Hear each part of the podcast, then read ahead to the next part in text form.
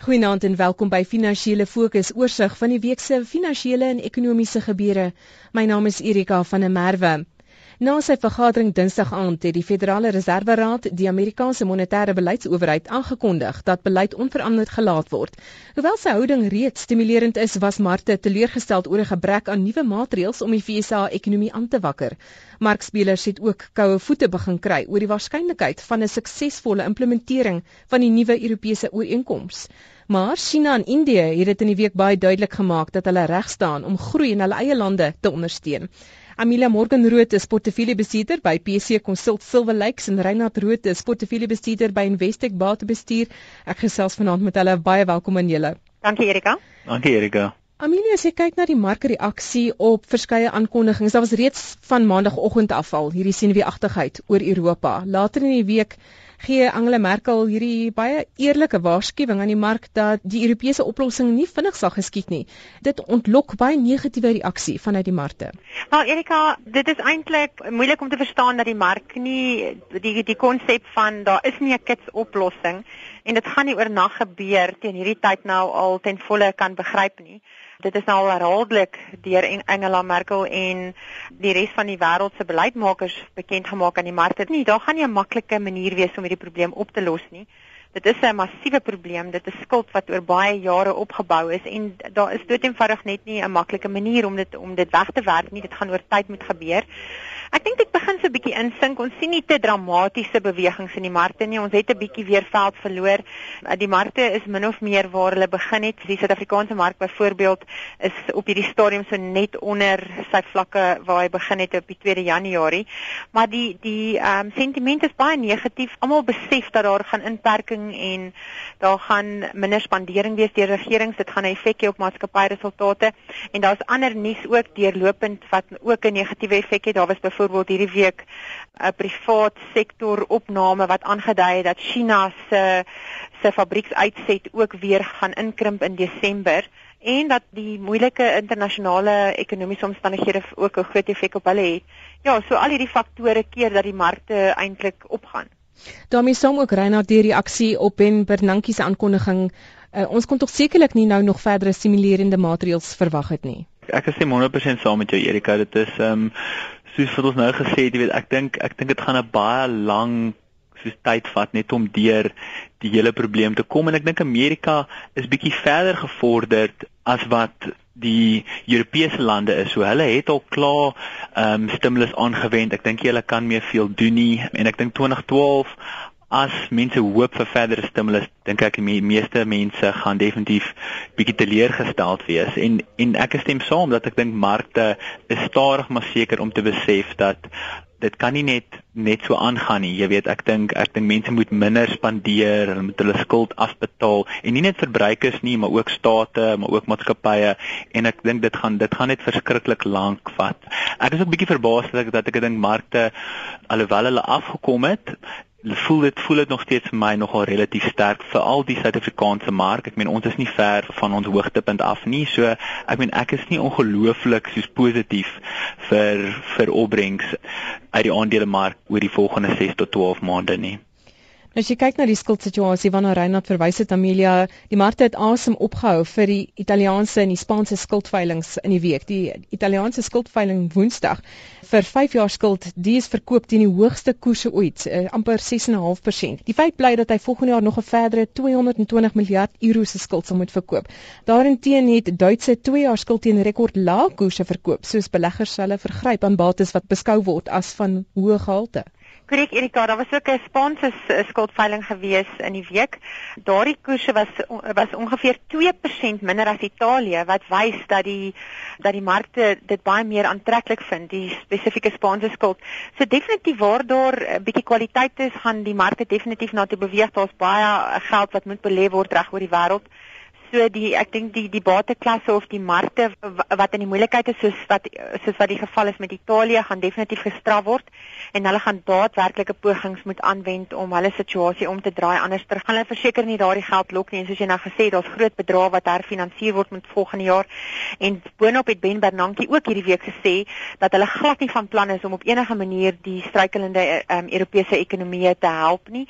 Dat hulle geen reddingspakket van hulle kant af gaan aanbied om te help nie. So ja, so Europa Europa sal definitief hulle huis in orde moet kry en hulle sal moet sorg dat hulle met ordentlike planne vorendag kom. En soos Reinhard ook genoem het daarso in verband met die markte wat eintlik nie te te negatief reageer op al hierdie gebeure nie, dis eintlik dit is regtig baie groot goed wat op hierdie stadium gebeur. Ek dink as ons gaan terugkyk oor 'n paar jaar in die geskiedenisboeke gaan hierdie sekerlik opgeskryf word as een van die mees ernstige ekonomiese onstabiele periodes seker sedert die Tweede Wêreldoorlog verseker. En ek dink jy weet dit het eintlik in 'n mate 'n mindere impak op die markte.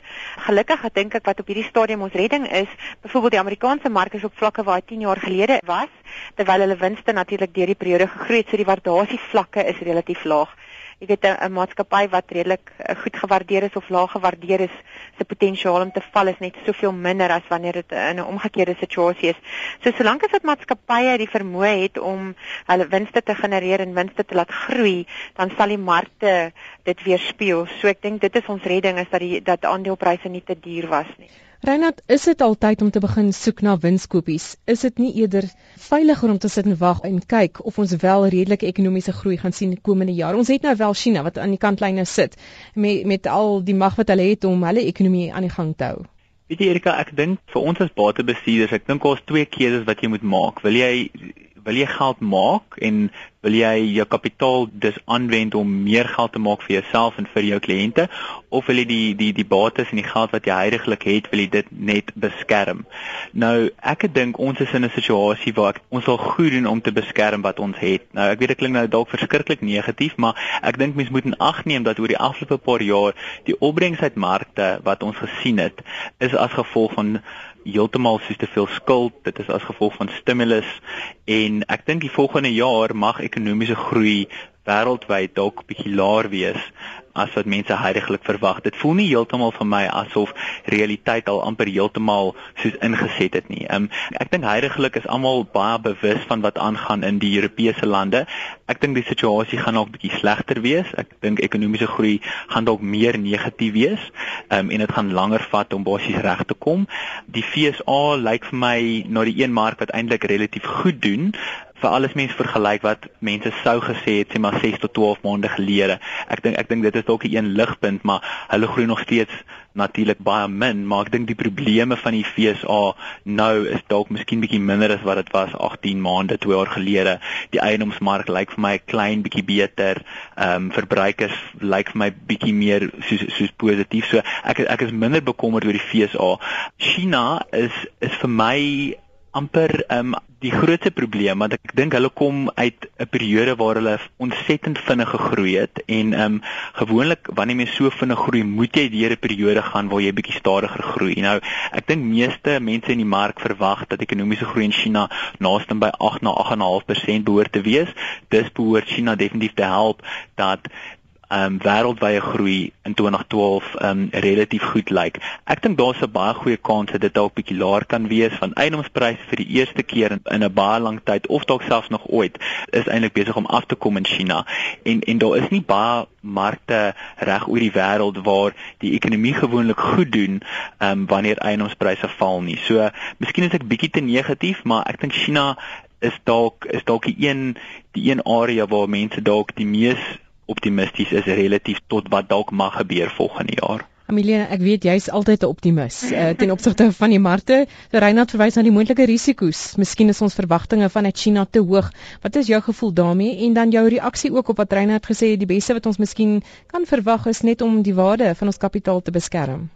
Kyk Erika, soos jy daar gesê het, ek is maar 'n optimis en ek hou van aandele en ehm um, ek glo dat dit die enigste manier is waarop jy jouself teen inflasie kan beskerm.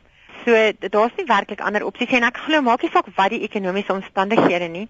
Daar sal altyd maatskappye wees wat dit reg kry om winste te genereer en, en hulle winste te laat groei in die huidige omstandighede waar ons nou is, waar ons waarskynlik 'n periode van sywaartse beweging gaan betree of meer weet matige groei. Ek persoonlik dink nie die markte is op die voorrand van 'n reusagtige ineenstorting of iets nie. Jy weet 'n mark wat nie te duur is nie, sal nie so so baie val nie. Dis onwaarskynlik. Kyk, dit kan natuurlik, daar's altyd die moontlikheid, maar dis onwaarskynlik. So my beste raaiskoot is is dat ons waarskynlik in, in hierdie tipe sywaartse periode wat ons nou gehad het die laaste 15, 16 maande hier by ons plaaslik en reg oor die wêreld, dat dit waarskynlik nog gaan aanhou vir 'n tyd lank so. Maar dit beteken nie daar's nie maatskappye wat die vermoë het om te groei nie. Ek persoonlik sal byvoorbeeld gaan vir maatskappye wat meer defensief van aard is, wat produkte verkoop wat almal nodig het, mediese sorg, kos, daai tipe goed, hoewel daai tipe aandele reeds eintlik van van die hoër waardasies het op ons mark ook en internasionaal, maar daar is sekerlik op die internasionale front maatskappye wat in daai kategorie val wat heelwat goedkoper is as Suid-Afrikaanse aandele. So dit is definitief iets wat jy kan oorweeg. En dan moet jy net geduldig wees en die winste van die maatskappy sal definitief na die aandeleprys kyk. Ehm um, jy kan nie 'n aandeleprys waarvan die maatskappy hulle winste groei, jy kan nie daai aandeleprys onderdruk nie. Mettertyd sal die waarde daarin weerspieël.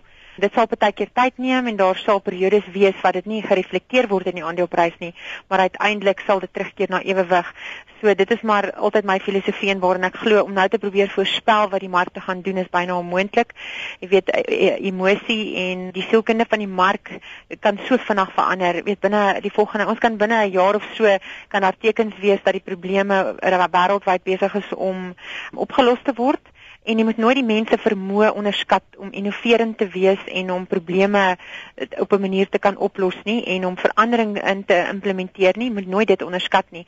En kom ons sê in 'n paar maande se tyd is daar tekens hiervan, dan kan die markte baie vinnig omdraai en en baie vinnig um, opwaarts beweeg. So ja, ek gaan positief bly en glo in in in beleidsmakers reg oor die wêreld om innoverend te wees en om hierdie probleem op 'n sinvolle manier uit te sorteer. Reinhard Amelia glo dus in die aanpasbaarheid van die mense. As ons kyk na van die plaaslike groot maatskappy nuus in die week, Kumba, wat sy hofsaak teen ArcelorMittal wen, hierso dink ek gaan ons ook 'n bietjie innovering aan die dag gelê sien word. Ja, definitief, weet jy, dis 'n die hoofsaak is natuurlik baie kompleks en ek dink dis basies net fase 1 van ek dink verskeie fases ehm um, en verskeie hof hofsaake in 2012. Ek soos wat ek dit verstaan wat besluit is is dat die mynregte wat Kuma besit het, ehm um, nie verdeel kan word nie.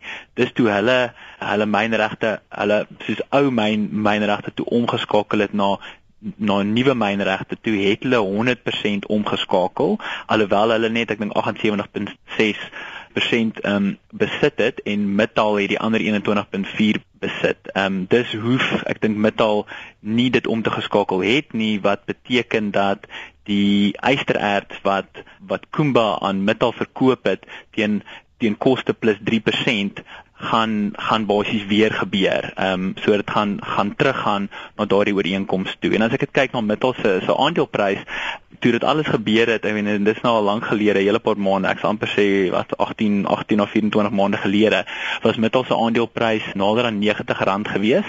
Nou staal aandele reg oor die wêreld het ehm um, het 'n baie moeilike jaar agter die rug gehad. Ehm um, staalpryse is definitief bietjie laer. Ehm um, so ek sal nie verwag dat Mittal noodwendig moet teruggaan na R90 toe nie, maar ek dink van die R60 vlak af, as dit is wat gaan gebeur, so wat ek dit nou uiteengeset het, dink ek Mittal behoort ehm um, relatief relatief goed te doen. Dit is een van die aandele wat baie sleg gedoen het hier laaste 18 na na 24 maande. So ek dink die die die skikking wat basies gemaak is in die week is definitief tot die voordeel van van 'n metal en ek is baie bly dat die mynregte nie gegaan het na soos ICT toe nie. Ehm um, ek dink dit wys dat dat die reg ek dink wel sê maar geskied het. Ehm um, en ek dink dit is oor die algemeen goed. Ek dink vir Suid-Afrika dat soos korrupsie nie ingetree het nie. En Amelia ter afsluiting die die ander groot aankondiging van die week Al Mutual wat 'n groot gedeelte van sy Skandia besigheid gaan afverkoop. Ja, Erika, ek sou sê dis omtrent een van die aankondigings van die jaar. Dis redelik groot. Die aandeleprys het meer as 10% opwaarts beweeg in een dag. Ehm um, na die aankondiging, hulle het in 2005 die Skandia besigheid vir omtrent 6 miljard dollar gekoop. Hulle verkoop nou 'n gedeelte daarvan is blykbaar die finse gedeelte wat hulle nog gaan behou vir 3.2 miljard dollar, maar ek dink wat die belangrikste wat ek daai kan opsom is is, is dat Old Mutual voorheen gesê het dat hulle hulle skuld teen die einde van hulle finansiële jaar met so wat 1 miljard dollar wil verminder verminder. Dit beteken as ons dit nou maar sommer net so eenvoudig toepas, as hulle 1 miljard dollar van die 3.2 miljard dollar aan skuld gaan afstaan, het hulle ook vir in verdere ander uitsprake gesê dat hulle ekstra kapitaal gaan uitkeer aan aandeelhouers. So die rede vir die groot stygings in die aandelepryse is waarskynlik omdat die mark glo daar gaan 'n baie groot dividend wees, 'n spesiale dividend wat dan na aandeelhouers sal vloei en dit is natuurlik altyd positief vir aandeelhouers. Amelian Reinhardt baie dankie vir julle bydrae. Amelia Morgenrood is van PC Consult Silver Lakes, Reinhardt Rood van Investec Batebestuur. My naam is Erika van der Merwe. Baie dankie vir die saamkuier. Volgende Sondag aand 20 voor 9 op Kersaand is ons weer hier. So geseënde week vorentoe. Totsiens.